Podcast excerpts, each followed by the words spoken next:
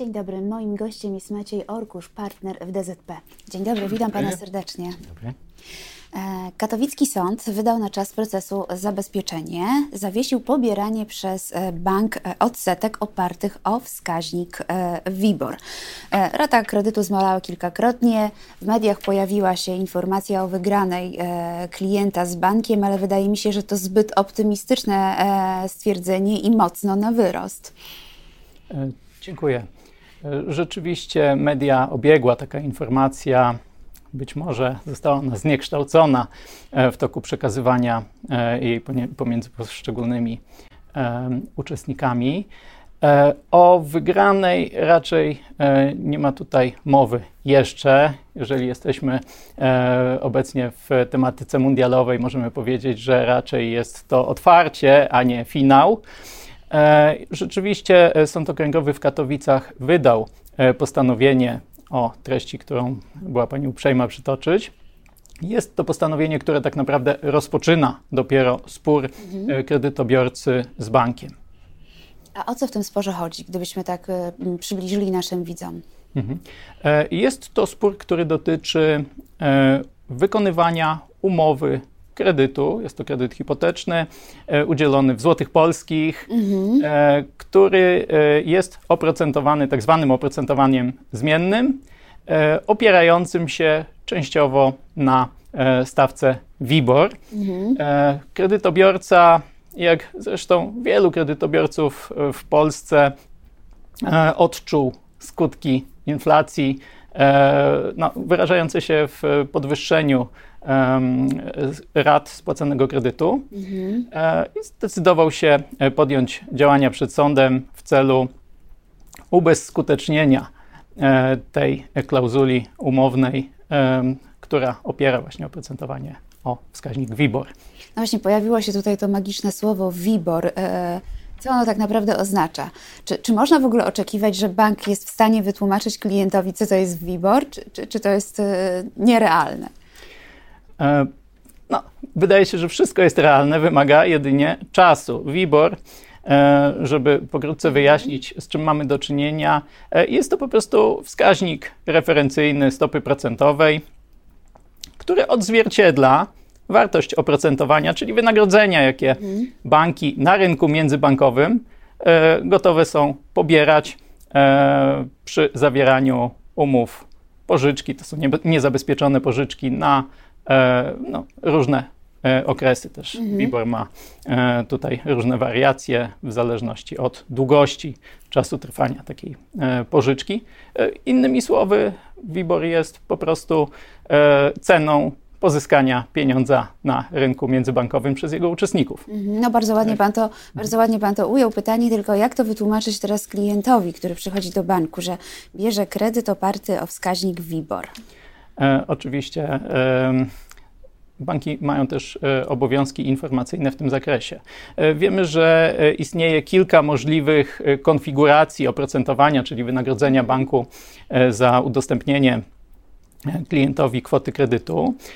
Można w pewnym uproszczeniu powiedzieć, że klient może skorzystać z oprocentowania stałego lub oprocentowania zmiennego.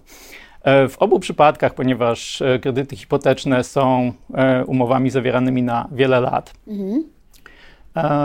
pojawia się ryzyko związane ze zmianą otoczenia gospodarczego, zmianą warunków rynkowych, która może zaistnieć w toku wykonywania umowy, i to ryzyko w pewien sposób bank, który udostępnia środki, musi z klientem uzgodnić. Mhm. W przypadku, jeżeli E, jeżeli mamy do czynienia z oprocentowaniem stałym, ta stawka oprocentowania stałego też musi pewnie uwzględniać e, pewną premię za ryzyko zmiany wartości pieniądza w czasie. W przypadku e, oprocentowania zmiennego odnosimy się właśnie do takiego indeksu, do wskaźnika, który w obiektywny sposób obrazuje, jaka jest cena pieniądza na rynku bankowym w danym momencie. Mhm.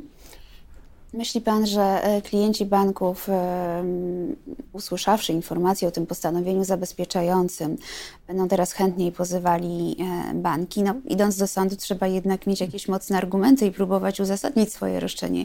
Klienci mają jakiekolwiek argumenty, czy one są wszystkie do zbicia przez banki? No to, to jest bardzo dobre pytanie. Mm, wiemy, że publikacja informacji na temat tego rozstrzygnięcia no, odbiła się szerokim echem mhm. w mediach czy w mediach społecznościowych. Można spodziewać się, że efektem tego rodzaju działań będzie wzrost zainteresowania E, klientów prowadzeniem tego typu spraw. Natomiast muszę też szczerze przyznać, ponieważ no, jestem pełnomocnikiem e, banku w e, postępowaniu, ja mogę się wypowiadać jedynie jako pełnomocnik, odnosić się do argumentów, które są przedstawiane w procesach. Problem, jeśli chodzi o sprawy czy procesy dotyczące stawek WIBOR, jest taki, że na razie tych procesów nie ma albo mamy do czynienia z pojedynczymi przypadkami, dlatego trudno jest mhm. na razie odpowiedzialnie ocenić argumentację i powiedzieć, czy e, stanowisko e, kredytobiorców jest uzasadnione, czy też nie. Z ale, pewnością... powiedzmy, ale powiedzmy, jakie argumenty się pojawiają mhm. po prostu w tych pozwach. Tak, e, właśnie do tego chciałem się w tej chwili odnieść. Z pewnością ty, tych argumentów będą co najmniej dwie, trzy kategorie. Mhm. Pierwsza taka wydaje się zasadnicza, dotyczy tego, e, czy bank może powołać się na e, stawkę WIBOR w umowie kredytowej, czy w tym wypadku bank nie nadużywa swojej pozycji jako silniejsza strona stosunku prawnego. Tu sytuacja wygląda nieco inaczej niż miało to miejsce chociażby w tej sławnej serii spraw frankowych, o czym może za chwilkę powiem. Drugą taką linią argumentacji, przynajmniej znaną mi z, ze spraw, których miałem okazję doświadczyć, jest e, powoływanie się na e, brak udzielenia należytych informacji o ryzyku stopy procentowej klientowi na etapie zawierania umowy. E, no, potencjalnie też mogą się pojawić takie dość głośne w mediach argumenty dotyczące sposobu ustalania stawki WIBOR, choć jak na razie nie doświadczyłem tego rodzaju argumentów na poziomie prawnym, stąd też być może nie jestem w stanie jeszcze odpowiednio ocenić takiej argumentacji. Mhm. Wspomniał Pan o kredytach frankowych, bo y, tych pozwów dotyczących y, kredytów, kredytów frankowych jest teraz w sądach bardzo dużo. E, myśli Pan, że kredyty złotówkowe czeka podobny los? Ciężko jest to przesądzać na tym etapie. Tak jak powiedziałem, jeszcze mm -hmm. ta, te linie sporu e, i argumentacja nie zostały wykrystalizowane. Jest na to -hmm. jeszcze za wcześnie, aby przesądzać, czy e, tego rodzaju sprawy mają szansę na skuteczne ich skuteczne dla kredytobiorcy ich zakończenie. Z pewnością jest to zadanie nieco trudniejsze niż w przypadku E, klasycznych już dla nas spraw e, frankowych, gdzie e, kredytobiorcy tego głównego uchybienia upatrywali w zastrzeżeniu sobie przez bank uprawnienia do określenia wartości kursu waluty obcej, franka lub innej waluty, co E, z czym nie mamy do czynienia w tego rodzaju sprawach. Tutaj też e, przynajmniej ja nie dostrzegam podobnych konstrukcji, które stawiałyby bank w pozycji uprzywilejowanej. Mhm. No myślę, że pewnie dużo będzie zależało od orzeczeń, które zaczną zapadać w tych sprawach. E, jeśli banki będą przegrywały, to pewnie konsumenci zachęceni chętniej będą pozywali. Oczywiście, natomiast jest to kwestia kolejnych zapewne dwóch, trzech lat, kiedy będziemy mogli powiedzieć o tym, że zarysowała się jakaś linia orzecznicza, że mamy jakieś mhm. tendencje. Stąd jeszcze chwilę trzeba poczekać na to, jak ta kategoria spraw będzie się rozwijać, no tutaj też e, występuje inny istotny czynnik, mianowicie czynnik inflacyjny. Mhm. Jak się wydaje, wzrost zainteresowania tego typu sprawami jest wprost proporcjonalny do wzrostu inflacji, mhm. E, ale może to działać też w stronę przeciwną, w odwrotnym kierunku, e, jeżeli ta inflacja w najbliższym czasie spadłaby istotnie, mhm. co pociągnęłoby za sobą obniżenie WIBOR-u, również być może to zainteresowanie prowadzeniem e, spraw uległoby obniżeniu. Mhm. No, kredyty są teraz drogie, ale e, trudno e, oczekiwać, żeby sytuacja wyglądała inaczej. Przecież banki to nie instytucje charytatywne. Oczywiście, e, zawierając umowę kredytu, e, klient zawsze musi liczyć się z tym, że bank będzie pobierał wynagrodzenie z tytułu udostępnienia kapitału. No, to jest istota działalności bankowej, na tym ta działalność polega. E, rzeczywiście nie ma co liczyć na kredyty darmowe i nawet kredyt o stałym oprocentowaniu no, też jest kredytem odpłatnym, który uwzględnia też w sobie ryzyka związane z przyszłymi zmianami e, kursów, przyszłymi zmianami stóp procentowych. Wspomniał Pan, że w pozwach pojawiają się takie twierdzenia, że bank występuje jako silniejsza strona, ale przecież nikt tego konsumenta nie zmusza do tego, żeby zaciągał kredyt. Rzeczywiście, e, tak jak wspomniałem, e, dotyczy to przede wszystkim spraw frankowych. Zawsze jest to taki mm. istotny argument w sporze konsumenta z przedsiębiorcą, ponieważ ten przedsiębiorca z natury rzeczy, posiadając większy potencjał, doświadczenie, zawsze jest tą silniejszą stroną, ale to, że jest się silniejszą stroną, jeszcze nie stanowi żadnego uchybienia. Mhm. E, uchybieniem może być wykorzystanie silniejszej pozycji na etapie kontraktowania. No a Czyli takie kształtowanie zapisów umowy, żeby były niekorzystne dla konsumenta, tak? Tak jest. Co oczywiście trzeba procesie wykazać. Dokładnie. E, ja jeszcze na koniec chciałam e, powiedzieć takiej kampanii informacyjnej KNF-u. Kiedyś była z hasłem dziś jest tanio, ale jutro może być e, drogo. Zaciągając kredyty konsumenci powinni o tym pamiętać, ale zdaje się nie zwracają na to uwagi. Niektórzy się zapożyczają po przysłowiowy korek.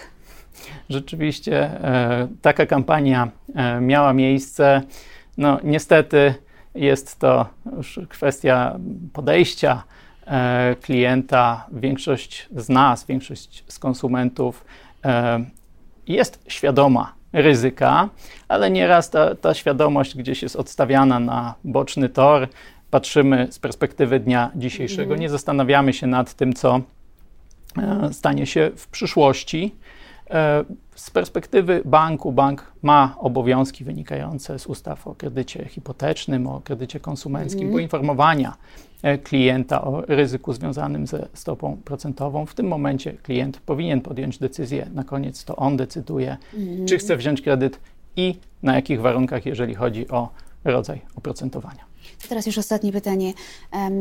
Jak wygląda e, perspektywa banków w tych wszystkich sporach? Myśli Pan, że banki e, wykazują jakąś nerwowość, czy w tej chwili jest sytuacja spokojna? Z perspektywy banków e, na pewno istotne będą kolejne miesiące. W tej chwili myślę, że wszyscy, cały rynek przyglądają się rozwojowi sytuacji. Mhm. Z pewnością, gdyby była to e, rzeczywiście duża ilość spraw, w których pojawiłyby się jakieś groźne dla banków zagadnienia, e, no, z perspektywy banków e, temat zacząłby być mhm. co najmniej interesujący. E, natomiast w tej chwili trudno mi zakładać, by, by działania banków były już determinowane jakąś obawą co do przyszłych rozstrzygnięć. Jest na to za wcześnie. No, czas pokaże w takim razie, co się będzie działo. Serdecznie dziękuję za rozmowę. Moim gościem był Maciej Orkusz, partner w DZP. Dziękuję. Dziękuję.